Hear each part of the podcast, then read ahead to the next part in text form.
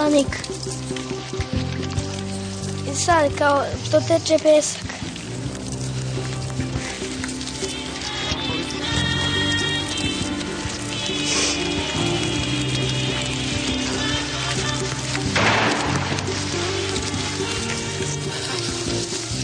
Živet ćemo, radit ćeš ko rob.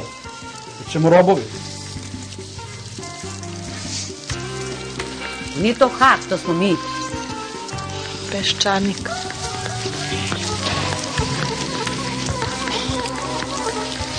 Dobro, koliko ima staža ti pa kad si Ja imam 15 godina radnog staža, počeo sam da radim sa 18 godina. A, ma, nisam se ja naradio, ja hoću i dalje da radim, ali mi ne dozvoljavaju da... Ne dozvoljavaju mi da radim. Pazi, mi pričamo o radu, ali imamo šta da radimo. Ajde da postavimo pitanje šta da radimo. Ja sam šest sati puta do Banja Luke gledala u pod pod autobus. Nisam više mogla da podnesem da gledam srušenu, spaljenu, izrešetanu. Srušenu, spaljenu, izrešetanu. Peščanik. Možda Đinđić to hoće što je. Trči, skači, plivaj. I vi slušajte emisiju Bože, on hoće da mi rintamo od jutra do sutra. Je on lud? Ovde je moja zemlja koju da napustim nikad neću. U ovom referendumu, kad smo mi trebali da odlučimo da će dođe Felipe Gonzalez i još dva neka pedera španca, 5 miliona 300 hiljada ljudi je došlo da kaže ko vas jebe. Gde je nestalo tih 5 miliona 300 hiljada ljudi danas? 5 miliona vratno ušlo u DSS i zaboravilo automatski da ikada pripadao bilo čemu nego Koštunici. pošto ja izuzetno cenim i gospodina Đelića, Sušćak veliki radi za nas danonoćno, gospodin Lavus, Pitić, Vlahović, Matković, kao ova de- fina žena, lepa žena, lepo rade. E, ako vidim da su oni rekli da su spakovali kufere, onda znači da sad za dugo vreme smo pali opet neki ambis. Vidjet ćemo koji. S ljubavlju i mučninom. Tako mislim u Srbiji, s ljubavlju i mučninom.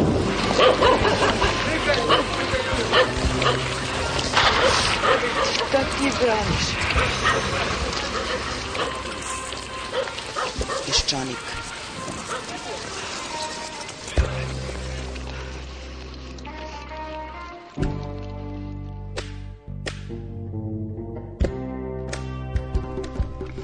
Dobar dan, poštovani slušalci. Ovo je izgleda 101. peščanik i poslednji pred ovoletnju pauzu.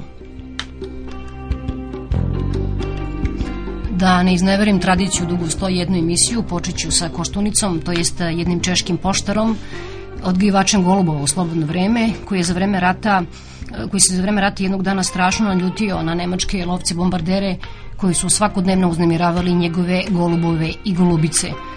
Dograbio je pušku ili mu je neku tutnu ruku, nanišanio i gle kako su nesaznatljivi boži razlozi, avion je pao. Bilo je to jedno od najvećih čeških doprinosa slomu fašizma. Naš sadašnji predsednik nam je e, jednom u borbi protiv Miloševića pozajmio svoje časno ime i sada je đavo došao po svoje. E, mnogi ljudi, pa i naš predsednik, izgledaju vizionarski dok mudro ćute, odnosno upravo zbog toga što ćute, a otkako je češće počeo da govori, magija je nestala.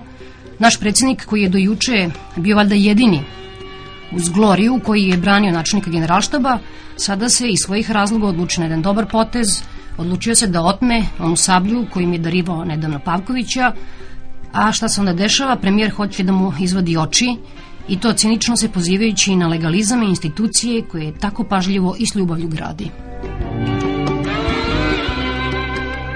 I to onaj premijer koji nikako da se doseti još nekog Nemca osim direktora Siemensa ili predsednika Bavarske ili Donje Saksonije ili Gornje Saksonije, na Hegela mislim koji je napisao jednom od njegovih učbenika da sredstvo mora da odgovara svrsi, mora da ima nešto zajedničko sa prokletom svrhom. Rezultat konkursa za načelnika generalštaba je otvoren. Ne bi bilo čudno da ove dve političke struje što su se ostrvile jedna na drugu uvedu instituciju rotirajućeg načelnika, pa jedan dan komanduje Šljivančanin, drugi dan Legija, treći Bulatović, četvrti Vesić, pa možda jedna dama, što da ne. Doskora je a, moglo da prođe ona jevrejska poslovica da dok jedan šumar krči šumu i sređuje, drugi samo brehće. Sada su obojica rešila da šumu zapale, ne bi li malo ogrejali svoja srca. Eto, posetila ih je guja radosti ovih dana i to je bio taj moj minut i po lajanja, završenje. To vam je kao kad oni ludaci i outsideri popnu se na klupu u Hyde Parku i pljuju sve, od Boga preko kraljice do Davida Beckhama. Onda siđu i osvrću se okolo da vide da li će svet najzad shvatiti šta se događa, a normalni ljudi idu svojim putima i gledaju svoje posla. Problem je samo što mi nemamo svoja posla i što nemamo političare koji nisu oni koji se hvale da najviše rade ili oni koji najviše vole svoj narod, nego oni koji omogućavaju drugima da sa uspehom nešto rade.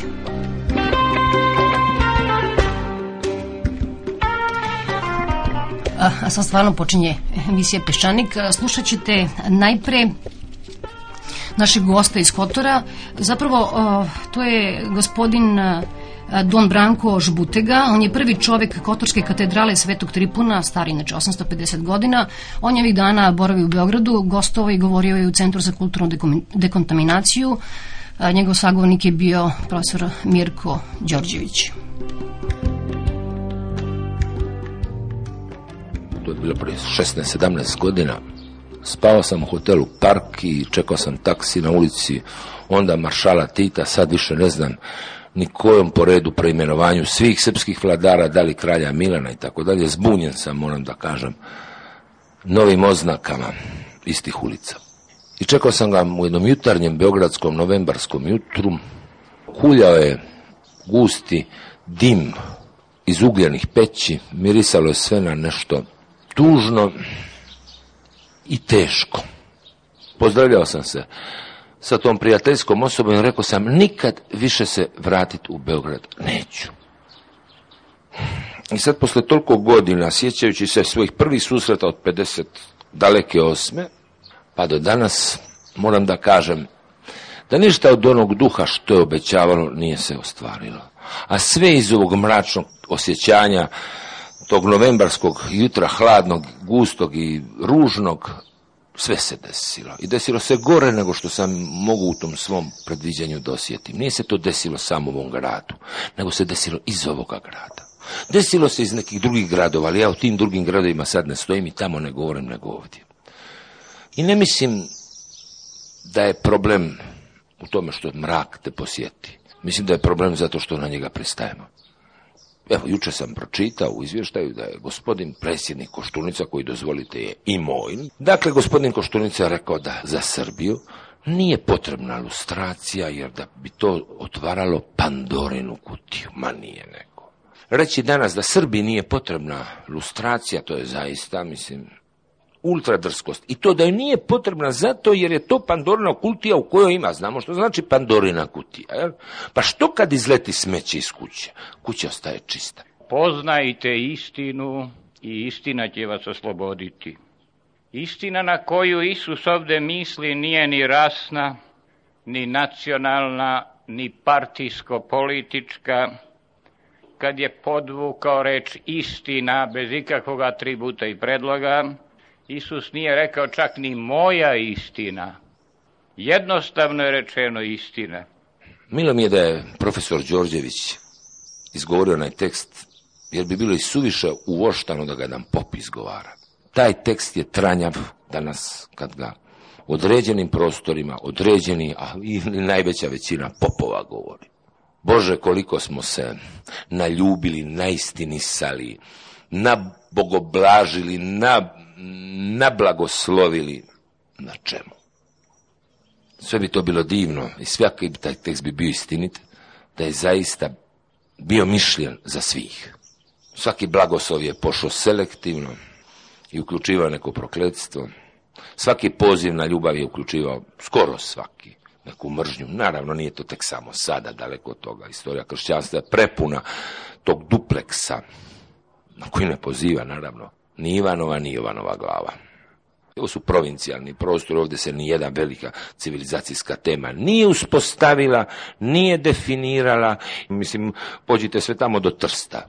Možda najznačajnije što nam se desilo na ovim prostorima to je što je Joyce napisao ono par redaka ulisa u, u Puli. Eto. Mnogo bi se bolje popamtio i Beograd i Zagreb i tako dalje da je slučajno Mozart u, ovamo nekada prošao pa da je samo ovo ovdje napisao tararara, tararara, svi bi rekli Beograd to je grad, grad Zagreb, onamo gdje Mozart znate ono tararara, tararara, vidite kako četiri tona mogu u jednom prostoru da daju više nego što se svi mi zajedno umišljamo. Ne mislim nama, nego doprinos. Dakle, ništa istinu, uznamirenju. U jednom ovakvom prividu mira, u kojem se danas nalazi ono što se zove Jugoslavija, Srbija, Beograd, u tom prividu mira, kao da ne postoje onda ljudi. Jer je ipak samo privid. Čak dok se podržavalo zlo. I to je bilo nešto. Prema tome, uznamiriti se i biti uznemiren unutar sredine je jedino što se može desiti. To je lustracija. Lustracija ne znači izbaciti, lustracija znači propitati. Propitati sa željom da se izađe iz nečega što danas apsolutno se nije izašlo. Ja danas prepoznajem onu istu atmosferu iz novembra mjesta s jednom razlikom, što ona danas nema obilježje tame, nego ima obilježje nemoći da se iz nje izađe.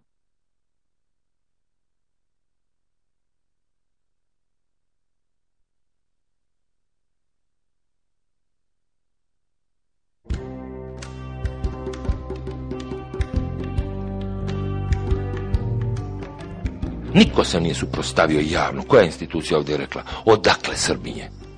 Neka žive sad, sve neka bude etnički čisto, ali zašto Srbinje? Zašto se niko nije uznemirio što se kaže Srbinje? Jesu li akademici govorili o utemeljenosti srpskog bića u Srbinju, a niko nije govorio o utemeljenosti na kostima? Pa sramotno je, to je isto kao da se u Hrvatskoj Jasenovac sutra prozove Hrvatograd. Pa nije u redu. Definitivno nije u redu. Nije reč samo o Srbinju, nego o desetinama le, lokaliteta koji imaju za budućnost mračan znak i predznak onih ratovođa koji su nas kao narod i ljude pa i hrišćane upisali u knjigu zločinaca. Ratovođe srpske, nekakav Karažić i Mladić, redovno drže post i ljube ikone, meso ne jedu, ali javno piju ljudsku krv. 99. godine bio sam u kontaktu sa jednim Tomas Spenglerom, nepoznati sinolog, možda najpoznati u Njemačkoj, i pravio neku dokumentarnu emisiju, zvala se Bitere Balkan, Grki Balkan. I on je došao k meni, znao sam i on mi je pričao da moj otac mu je bio nuklearni fizičar i bio isto tako naci, konačno kao svi, manje više Njemci, u nekom smislu. Nije bio član partije, ali bio simpatizer.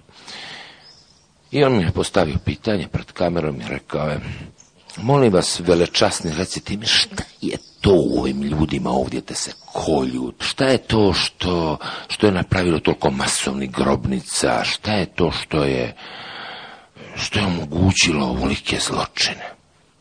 Ja sam rekao, prostite, upravo sam bio u poziciji, htio da ja vas to pitam. Pa gdje vi mene posle Auschwitza, Treblinke, Mauthausen? Ja sam mislio da vi u 50 godina promišljanja o svemu tome, vi ćete meni dati odgovor. Mi smo tek svježi, mi smo tek početnici, ali vi ste, eto, bavili taj posao prije 50 godina, imate vi možda... Ja sam mislio da ćete vi da mi kažete ko smo, obzirom da ste imali vremena da se promislite. Onda je on prekinuo kamenu i rekao, prešao si me. Ja sam rekao, nisam prešao, najiskrenije to govorim. Kako izaći iz ovoga? Kako su Njemci izašli? Kako su Japanci izašli? Izašli su totalnim porazom i prihvaćanjem poraza kao svoje nove šanse. Izašli su padnuši na koljena, da ne kažem, prostorši se skoro polumrtvi, bez koprcanja. Da budu makar malo gdje su bili. Izašli su jer su u svojoj veličini mogli sebe poništiti. Nisu ni imali izbora. Metodologije su bile brutalne, moratorium na narod, na njegove institucije, na svu njegovu drevnost i utemeljenost I u Goetheu, i u Beethovenu, i u Bahu, i, u čemu god hoćete. Pa sve te veličine su zajedno pale na taj isti pod koji se zvao Njemačka, tamo negdje do 47. 8. godine. Za to isto vrijeme mi smo celebrirali te nove veličine koje su izrasle iz njihovog poraza. Pa su naše nove veličine već 64. poslale prve gastarbajtere u tu prekjučerašnju rupu koja se zvala Njemačka. Ja bih mogu sada da kažem zašto su Hrvati ili zašto Slovenci, tako da nisam tamo. I zašto bismo govorili zašto u Engleskoj ima AIDS-a kad ga ima ovdje dovoljno imamo sa čime baviti kod kuće. Zašto se misliti u komparaciji kako bi se spasila vlastita bolest, vlastita mučnina. Pristanak na mučninu ne kao mučninu, proglašavanje mučnine kao uzvišenog stanja.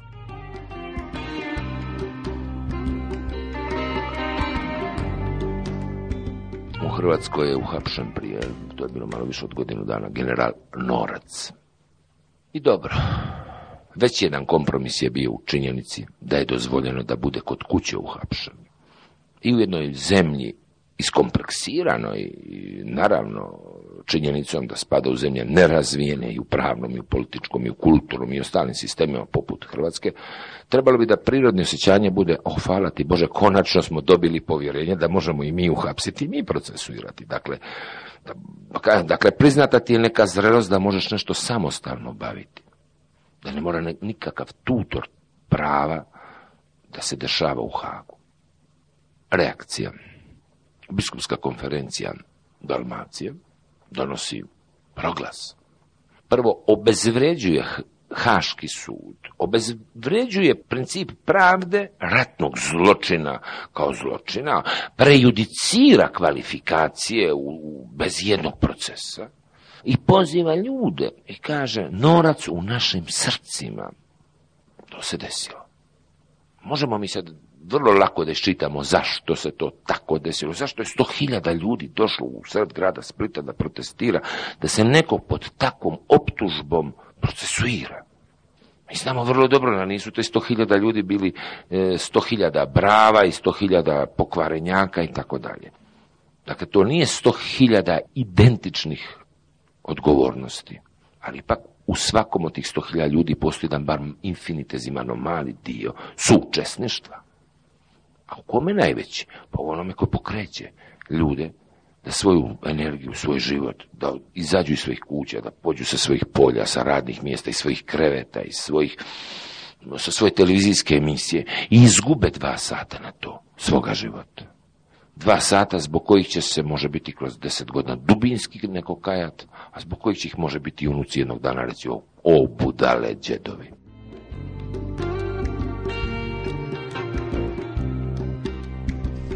Slušate katoličkog sveštenika Branka Žbutegu iz Kotorske katedrale Svetog Tripuna, a u nastavku piščanika šta vam Bog da. Ja se sjećam 90. 91. godine kada je zaista bujao iskaz nacionalne prepotencije. Kad se govorilo, mislim, pri tome ja nisam nacionalista, pa moj najbolji prijatelj Jože iz Makarske, pa koje smo mi girice pojeli. Jože nikad nije bio argument ni za mržnju, ni za ljubav. Naša utemeljenja nisu tek segmenti naših biografija. Nisam pošten zato što nisam ukrao u oktobru mjesecu 1973. godine u pet popodne kad sam imao priliku da iz jednog džepa izvučem pare. Ja ne mogu graditi poštenje i osjećanje svog poštenja na toj činjenici. Ja osjećanje svog poštenja mogu graditi samo onim pozaboravljenim činjenica kad sam nekome izvukao pare iz džepa. Moj problem nije gdje nisam bio lopov, no moj problem je gdje sam bio. Bio sam u Dubrovniku u vrijeme bombardiranja. Samo jedna jedina bol je tada bila. Nije stigo ni jedan faks koji je rekao, prijatelj, prijatelj, I'm so sorry. Nije ni udruženje čistačica se sakupilo četiri pa reklo, namežao. Ne što se bombardira, nego zbog čega i ko. Naravno da nikad svima nije žao. Ali i onima kojima nije bilo milo, nije bilo dovoljno snage da kaže I'm so sorry. Meni je žao. Neću se izvinjavati, nisam, nisam poslao, nisam ja htio, nisam napravio. Ali meni je žao. Koga ću da hvalim? Koga ću da hvalim?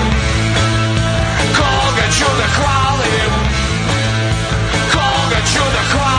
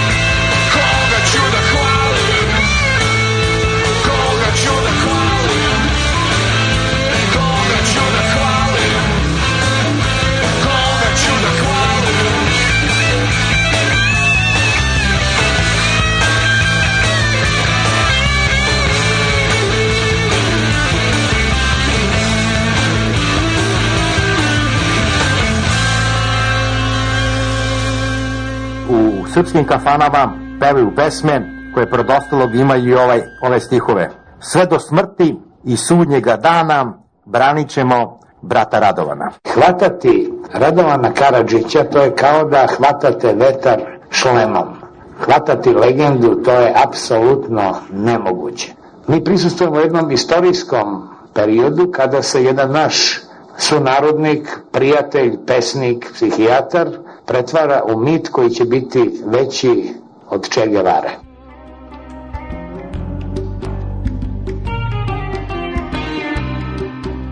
Kada sam prvi put došao u Bosnu, to je bilo 96. godine, ona je zaista bila potpuno razrušena.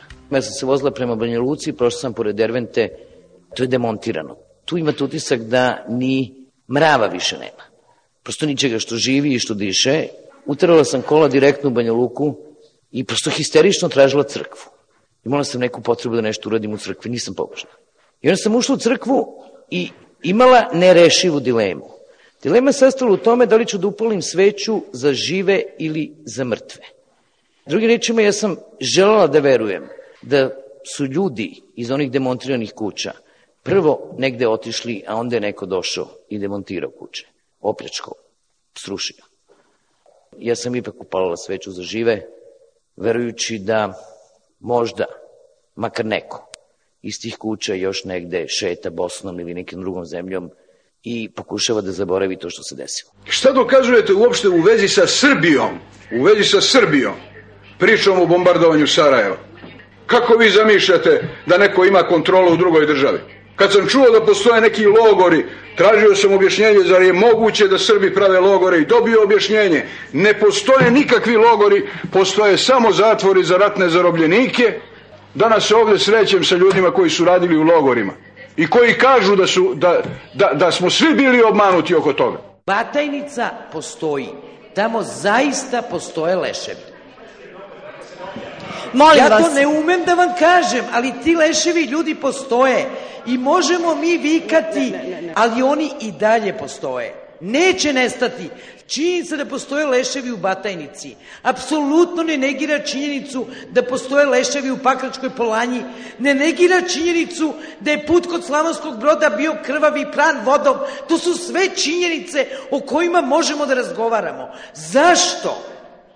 Vi izbegavate da razgovaramo o tim činjenicima. Zašto mislite da možemo da razgovaramo o menačkom džepu, a ne možemo o batajnici i na jednom i na drugom mestu su pobijeni ljudi, aman zaman. Ljudi!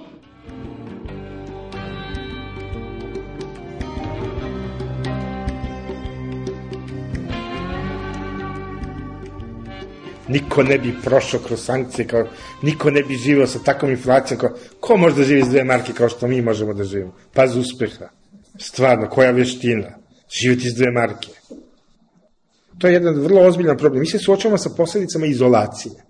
Ja ću vam dati dva primera vezana za naš program Poslednji građanin koji smo radili sa decom od 18 godina. U jednom trenutku, jedan od njih je rekao, pa ja mislim da bi kod nas u školi, to je u Užicu događalo, trebalo poboljšati položaj stranaca. Čovjek se normalno pita koji stranci idu u srednju školu u Užicu, mislim. Pa ja kažem, na koje strance misliš, izvini? Pa kaže, na ove, Rome, muslimane, izbeglice. To je percepcija u srednjoj Srbiji manjine. Onda smo mi naravno o tome razgovarali jako mnogo i doveli smo jednog Irca koji ovde radi neku svoju tezu i tako dalje, da njima drži predavanje o pisanju eseja. Za te mlade ljude iz Užica, to je 20-18 godišnjaka, to je bio prvi stranac sa kojim su u životu razgovarali. Bitev teatar u ovoj crkvi koju je Hitler teo da se izgradi u Beogradu, inače predivan objekt, meni je strašno smeta Bajlonova pijaca tu, zato što je prljavo, zato što je kanta za džubre, pa sad se skupljaju ti ljudi, razno razni pijanice. I ja sam stalno to pokušavao nekako da osvojim da napravim neki bedem i da se tu stave neke žardinjere, pa neko rastinje, pa da se tu napravi mali neki trgić, pa da tu sad sve bude lepo čisto kao Ivici i Marici. A onda su mi se otvorile oči pre neki dan. Došla je neka američka trupa koja je gostovala u Bitefu, bila je na proputovanju kroz ovaj deo sveta, pa smo zgrabili da to bude. Bio je ulični teatr. I onda su izašli na štulama, onako veselo kako to ulični teatar može da bude.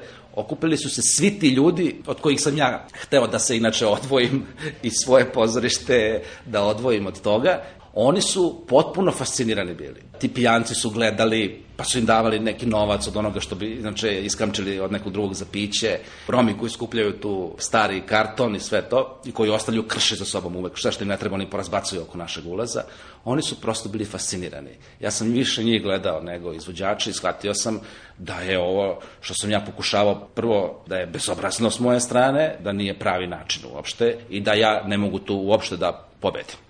Shvatio sam da bi bilo mnogo bolje, pametnije i lepše da se ti ljudi priklone nama i da počnu da smatraju to pozorište svojom kućom i da onda vode računa o njemu isto kao i mi. Mislim da je nas naučilo ovih protekli deset godina ovih satrapa koji su se ovde nakotili. Gledam onog Mirka Marjanovića, on daje izjave da neće platiti profit. Ja kad ga vidim, ja poželim da je u zatvoru. Ja ne znam zašto on nije u zatvoru. Da li je moguće da on nije kriv? E, mi smo branili sebe uvek tom nekom vrstom agresije u povlačenju. Mi smo agresivni bili prema problemima jer smo od njih bežali i štitili smo sebe na taj način. Dakle, da i onako prodre kroz taj beden mnogo toga, pa ajde da prodre što manje. I mislim da je taj neki neaktivni stav, stav povlačenja, bežanja u osamu, u očaj, to je protivno životu kao takvom i to jednostavno nije tačno. To je bolest. Može čovjek da bude bolestan ali mislim da je ovde to uhvatilo maha kod svih ljudi koji vole da koriste svoju glavu. Najveću grešku koju su napravili ta da su sebe izolovali od, od drugih ljudi. Ja sam živeo od 90. godine u ovoj zemlji na taj način što se okružio ljudima koji misle isto kao ja. To je isto ograničavanje vidika. To je život u egzilu, to je život gde horizonti su veoma blizu. Mislim, ja mogu sa Filipom Davidom da razgovaram ceo život, ali da li on i ja možemo jednom drugom da kažemo nešto novo posle 10 godina. Loše iskustva imam. Nešto zaista mora da me iznenadi da bih ja otvorio sve svoje perceptivne sposobnosti za uzbuđenje da bi se predao nekom. To je kao ono kad ti se dete baci sa zida u naručje, od visok zid 2 metra, dete ti skače u ruke. Ajde sad ti skoči meni u ruke sa 2 metra, da te vidim. I na kraju krajeva ono što je utešno u nekoj našoj bližoj političkoj i svakoj drugoj budućnosti je to što očigledno ne odlučujemo sami o svojoj sudbini, već jedna mnogo veća teritorija i mnogo veća populacija odlučuje o tome kako će nama biti i to je jedno, jedna velika prilika za jedno odahnuće. Nama je nekako uvek najgore bilo pod nama samima. I dok se oni dogovore oko tih elementarnih stvari, šta ćemo mi raditi na jesen, nama prolazi život. I normalno svako ko ne želi da mu prođe život među idiotima, on spakuje torbu i ode i vozi taksi na Novom Zelandu. Vi dođete e, na železničku stanicu, u bilo koji grad na planeti, čovjek koji hoće da vam ponese kofer govori srpski. Odete na recepciju hotela, čovjek govori srpski. S jedne strane vam malo drago izgleda da smo okupirali planetu. I već se približavamo onom broju zemalja gde je polovina stanovništva u emigraciji. I to će se za 10 godina stvarno i desiti. Dok se mi dogovorimo, sve to ode 20 godina sa jednom idejom napred i onda kaže, znate šta, mi vas jednostavno ne možemo da čekamo. To što vi imate taj običaj da sednete oko vatre, znate, i da ovaj palite cigarete na drva, to je jako lepo i to mi volimo da gledamo, to je jako zanimljivo i nas uzbuđuje to što se krčka nešto u loncu, ali ovaj mi za to nemamo vremena više. To snimite film dokumentarni o tome, ali mi to da gledamo uživo nećemo. Ne može naša sklonost ka poeziji, nadrealizmu i metaforama da prođe u realnom svetu. Neka mi neko kaže u poslednjih 20.000 godina pisane istorije. Kad na planeti nije bila jedna sila koja je odlučiva? Kina je došla već na četvrto mesto. Morate već danas da vodite računa da sa njima budete u relativno dobrim ili odličnim odnosima. Znate, ne možete da napadnete jednog kineza u Beogradu i da ga tučete zato što je kinez. I to je ona priča večita, ako nemamo neprijatelja koji je direktno, od koga smo direktno ugroženi, onda ga mi izmišljamo i pravimo. Polako dok ga ne napravimo, a onda kad nas se pojavi i kad se nadobijamo batina, onda fino pišemo pesme, kukamo i plačemo nad teškom sudbinom. A što se Kušnice, ja mislim da redko koji čovjek dobio od jednog društva takvu veliku šansu kao on. Prvog trenutka je izdao da on može da bude ljubimac bogova. Ne samo građana, nego i bogova. Ali čudno da ponekad velika šansa u stvari onemoguće čovjeka da je ostvari ono što je malo. U tom smislu on je zaista tragična figura. U meni je lično žao što se to tako desilo, jer ne bi bilo loše kada bi ovom društvu bilo izvornog autoriteta. Predsjednik Republike daje reč da će su svi građani ravnopravni, pa poređuje i muslimane, i mađare, i slovake. A onda kad dođe u Vojvodinu, onda dolazi samo sa pravoslavnim sveštenicima. Ako već dolazi sa sveštenicima, ja mislim da ne mora da dolazi, ali ako on to misli da je to važno i da je od toga njegova vera i će biti čvršća, onda neka. Ali onda mora i katoličke, mora i evangeliste, znate, jer je dao reč. Ako ne bi dao, onda ja to ne bi govorio. Ali kako je sada građani koji su slušali zadatu reč i vide da je predsjednik Republike nije održao. Znate, to za jednog predsjednika Republike je najveći problem. On može da bude poražen u mnogim stvarima. Može e, vlada da vodi jednu drugu politiku nego što on zamišlja. Može sve. I to neće da ruši autoritet predsjednika. Autoritet predsjednika može da ruši samo predsjednik. I to na takav način da ne poštuje svoju zadatu reč. Predsjednik Koštunica u, u, u kontekstu svih ovih ovih gludaka, on se utopio sa to. Među Karleuše, Marina Živković, Vidra Popova, Znaš, Koštunica je potpuno što onako meni je stvarno zvezda postao. Ozbiljno ti kažeš mnogo. Zato što više nije bitan. On se sve rekao što ima da kaže. I on je sada redan objavi jednu knjigu znaš, o Greatest Shits, My Greatest Shits po njegovom sobstvenom izboru i da vidimo šta je bilo. Sad sam, mislio da to sve izjednačilo, znaš, pošto Koštunica ili ne znam sad ovaj, kako se zove onaj travestit, onaj, kako se zove onaj spinka, onaj što slači kao žensko? Je li samo? Karamela. Evo, Koštunica ili karamela? What is the difference? Jebik. Stvarno ne znam o čemu razlika, barem. Ima u Vojvodini jedno badnja i tamo morate da sedite, znate. Moram 30 minuta, a pored mene je jedno društvo sedeo isto tako u, u banji i rečili su sebe kao što i ja i glasno su govorili kako su oni ubijali ljude muslimane u Bosni. I to su pričali sa uživanjem. To je bilo meni strašno i nisam mogao da izdržim izašao sam iz bazena. E sad mi imamo taj problem, dok oni govore, tako glasno i jasno, i nema niko da im kaže, evo, vi ćete gospodo iti na sud zbog toga, dotle ovo društvo neće moći da izleče, kao što ja nisam mogao da lečem.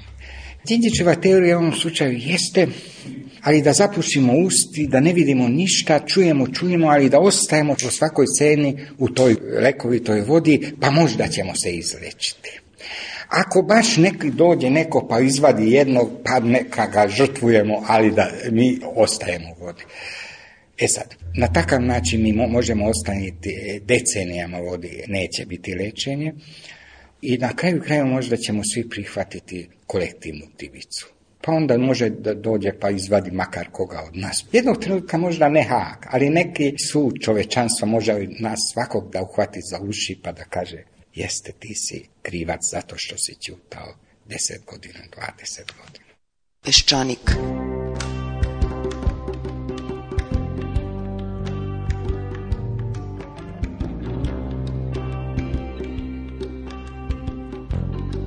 On je ponudio da se povuče, ja sam zatražio da zarad promena, koje ponavljam, on osmislio i pokrenuo za sada ostane. Zahtevi za smenu načelnika generalštaba generala Pavkovića najčešće stižu iz redova onih koji traže da se hitno i bez ostatka suočimo, kako se to kaže, sa svojom nedavnom prošlošću, da priznamo tobožnju kolektivnu krivicu, odigramo neku psihodramu i doživimo katarsu. Na desno!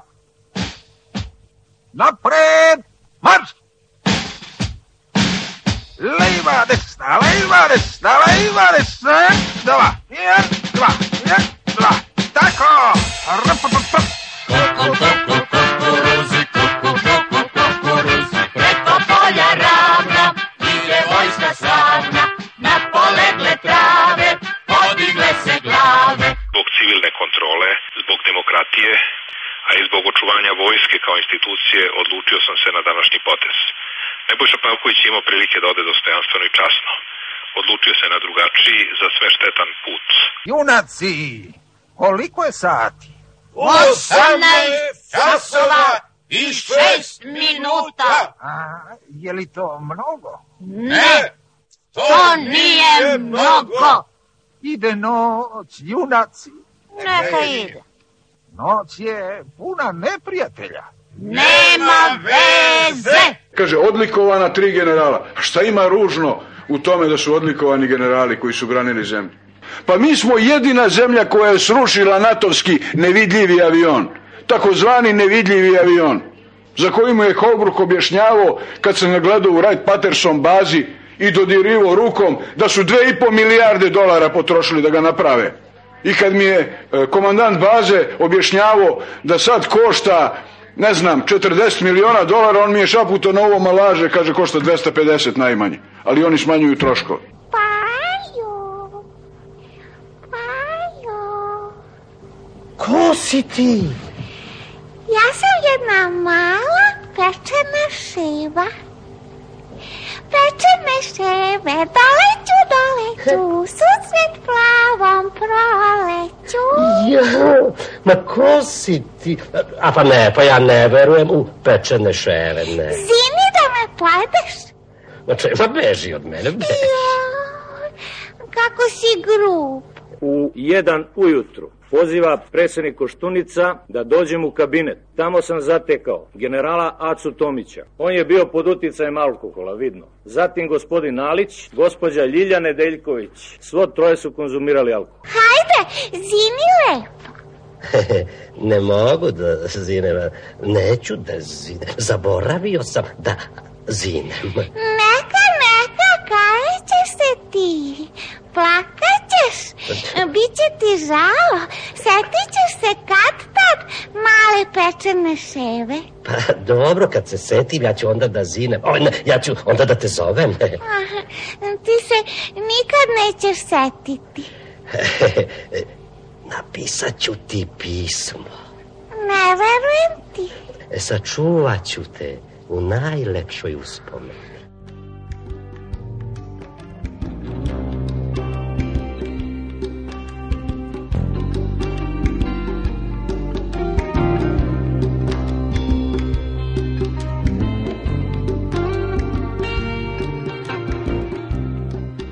Sa Koštunicom je stvarno nekako krajnje neprijatno gledati tu permanentnu retardaciju. To je čudo jedno koliko nekako čovjek uporno samo ide natrag, natrag, natrag, natrag, natrag i nikako da se povrati, nikako da a očigledno mm, nikoga baš i ne ćuška da se povrati, jel? Niti mu iko daje signal da ne može on to tako doveka, da je prosto to završena priča da će on biti maknut s tog mesta i već bi morao biti. Jel?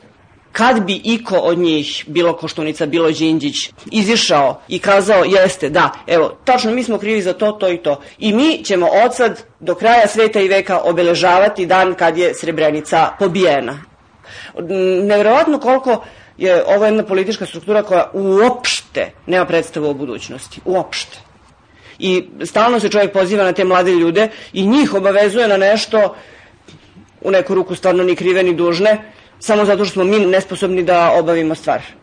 Prosto se vi zgranete kad vidite te posete međudržavne, pa sve fino, pa privredna saradnja, pa ne znam gostovanje ovog pozorišta ovamo, onog pozorišta onamo. Ama ljudi, pa nije to prelepljeno selotejpom između 87. na primjer ili 6. tačnije do 2002. Tu se nešto događalo u tom vremenu. Ne možeš da izigravaš da toga nema i da počinješ srećan novi život na masovnim grobnicama. Ja podržavam normalan život, ne da mislim da to treba da se ukine. Naprotiv, skroz sam za to. I sam sebi izgledaš kao isterivač uh, duhova i isterivač đavola. Stvarno onako nekad pomislim pa dobro, hoću ja biti doživotno egzorcistkinja, jel? Kad treba nešto reći Hag, tri slova da ukucam onako u kompjuter, znaš onako, čini se da će govan da mi iz kompjutera koliko sam puta otkucao reč Hag. Pa devet godina kucaš o tome, pa jebote, pa nikad kraja. Pa tribunal, pa Hag, pa Haški tribunal, pa tribunal u Hagu, pa pa ne znam, tužilaštvo, pa sudije, pa naš onako, to je, mislim, stvarno poludiš više. Ono što najviše fali u Srbiji je odgovornost. Nemojte zaboraviti da smo mi bacali cveće na tenkove koji su išli na Vukovar. Ja ne znam zašto, kako smo mogli da imamo oficire da se jedan nije ubio kad su pobili one uh, ranjenike u, bolnici Vukovarskoj. Od sramote. Onda, ja ne znam, je li stvarno istina ili se meni tako čini da pola Srbije ne zna šta je bilo u Srebrenici. Najveći pokolj posle drugog svetskog rata razoruženih zarobljenika. Pa ajde uzmi nižu cifru, samo 5000 ljudi, a bilo je osam, po mom mišljenju.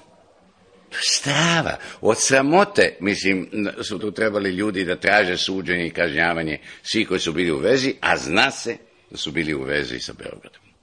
Holandska vlada daje ostavku. Oni lično nisu ubili jednog čoveka. A ove naše novine to tretiraju kao dok, alibi za nas. Kaže, vidiš, očito je da mi nismo krivi, Holandezi su dali ostavku. Ne, nego mi nemamo obraza dovoljno da, da, da tražimo ostavke. Ja da sam kostunica, ne daj Bože, ali da, da, ja bi svakog generala koja je ikakvu najtanju vezu imao sa tim, ja bi tražio pismenu ostavku odmah i tera u penziju. To je Srbe pretvorilo u narod koji Evropa mrzi. I sad će ovi, sa ovim komplikovanim advokatskim rajem u Hagu, Kažu, pa nije sloboda nama baš nijedno e, gubio, a nije ni dao direktnu naredbu. A nije ni znao. Vraga nije znao. Nije mogo ne znati. Ja se sećam pre puno godina na nekom malom savjetovanju počne ono o kosovskom boju. Ja kažem, čekajte ljudi, čekaj, ajde, tri činjenice odmah. Mnogo važnije je bila bitka na Marici, sa istorijskog gledišta, o njoj niko ne govori zato što to crkvu ne zanima Lazara i mučenika, ne Vukašini ovi koji su pogledali tamo, zato što je onda još bila svađa između Srpske pravoslavne crkve i Patijaši. Lazar a, je mučenik zato što je on vratio te, a, te crkvene odnose, to je crkvena istorija. Više je Srba bilo u Turskoj vojsci nego u Lazarovoj vojsci, a Albanci i Bosanci su bili u Lazarovoj vojsci. I Vuk Branković nije bio nikakav izdajica, nego učinio jednu stvar za koju mu crkva nikad nije oprostila, a to je naplatio crkvi poreze za odbranu protiv Turaka. Ovi me gledaju i jedan istoričar mi priča posle, kaže, znaš Bogdan, ja znam da je to istina, a nije zgodno da se kaže. Pa kažem, onda čuti o Kosovu. Ne, ne, nemoj, ne, nemoj laži da, da širiš. Pošto na osnovu tih mitova ovi ubijaju.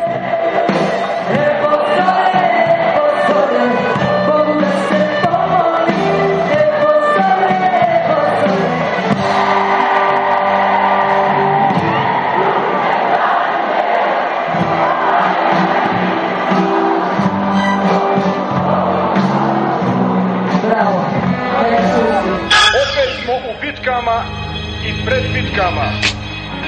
One nisu oružane, mada i takve još nisu isključene. One nisu oružane.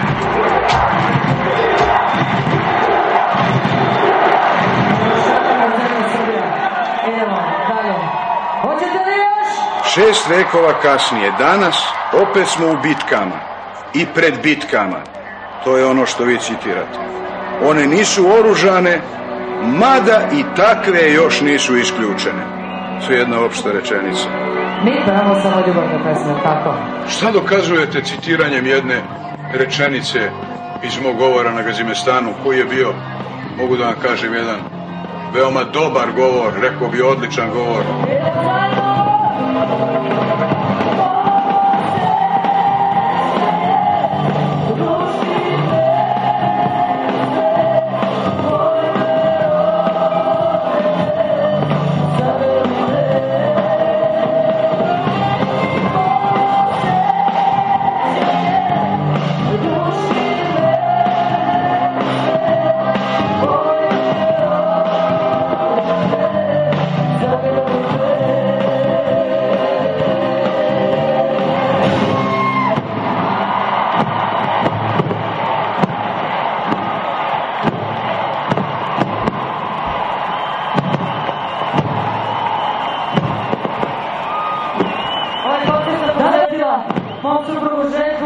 Pička mu materina, ovo je rat.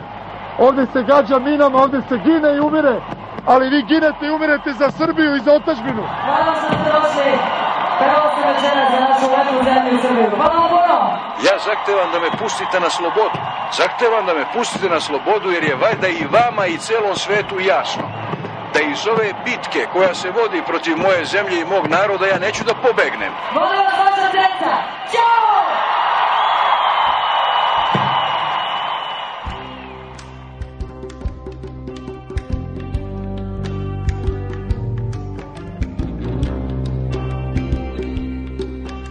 Peščanik.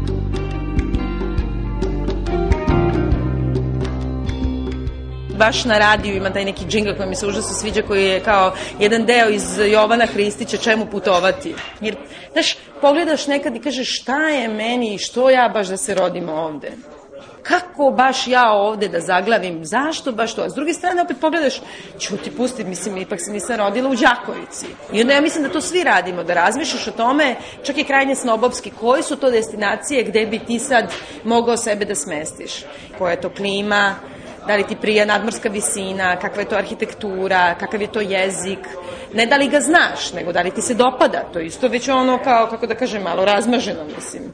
Pa onda dalje ja imam još i tu varijantu koliko je to daleko, jer sve što mi je blizu prosto iskušava tvoju spremnost da napraviš neki rez. Znači mora da bude barem sat raskoraka u vremenskoj zoni, da barem za sat štucaš za onim što ti ostavljaš za sobom. Pa onda samo razmišljaš, uvek razmišljaš o glavnim gradovima. Ko od nas sedi i kaže baš bih volao da živim u Južnoj Virđiniji, u selu, među kukuruzima. Niko, svi govore Pariz, Rim, London, New York. Pa onda razmišljaš, e, mislim, malo Pariz je mnogo kao francuski, to ne. Pa Rim, tu su svi nešto naduti. Mislim, i već ti imaš ono, odnos prema tome, možda nikad nisi ni bio, ali vrlo čvrst odnos i šta to tebi ne prija, jer si ti jedno izuzetno biće koje sad treba da se svesti u ovom kosmosu. Ja mislim da to svi radimo stalno i mislim da je u stvari stvarno uglavnom pitanje bežanja od samog sebe i traženja nečega što možda uopšte ne možeš da nađeš. Jer ja, na primjer, u tim svojim kao maštarijama, jeli, uvek kao to se nešto vrti Amerika, New York, to je kao centar, mislim, svemira ili već ne znam šta. New York grad televizijskih serija. I sad kao, ti živiš u gradu gde sve što kažeš, svaka tvoja replika izazove smeh. Ima onaj snimljeni smeh i neki put ima i aplauz, mislim. A onda negde sam čitala da, da na primjer, taj smeh koji se koristi po tim serijama, uglavnom smeh mrtvih ljudi. Da je to ono, da su uglavnom pomori, da se to, na primjer, ne znam, kao sad za potrebe toga snimi u nekom studiju tonskom i dalje se to krčmi sledećih deset godina, a možda, mislim, ova žena je umrla od raka dojke, a ova je, mislim, umrla od ciroze jetre, a ovaj prirodnom smrću u 101. godini. U svakom slučaju, ono, jeziva neka stvar, pratite oduševljena reakcija mrtvih ljudi. Ja sam nešto sve sigurnija da ljudska mizerija u stvari najviše tera ljude na neki, neki pokret. Tako da nešto sad počinje da budem srećna kad padam u depresiju. Mislim da te ona nešto u nekom obrtu možda natera na nešto. Možda te natera da se pridružiš ovima sa trake. Mislim, to se nikad ne zna.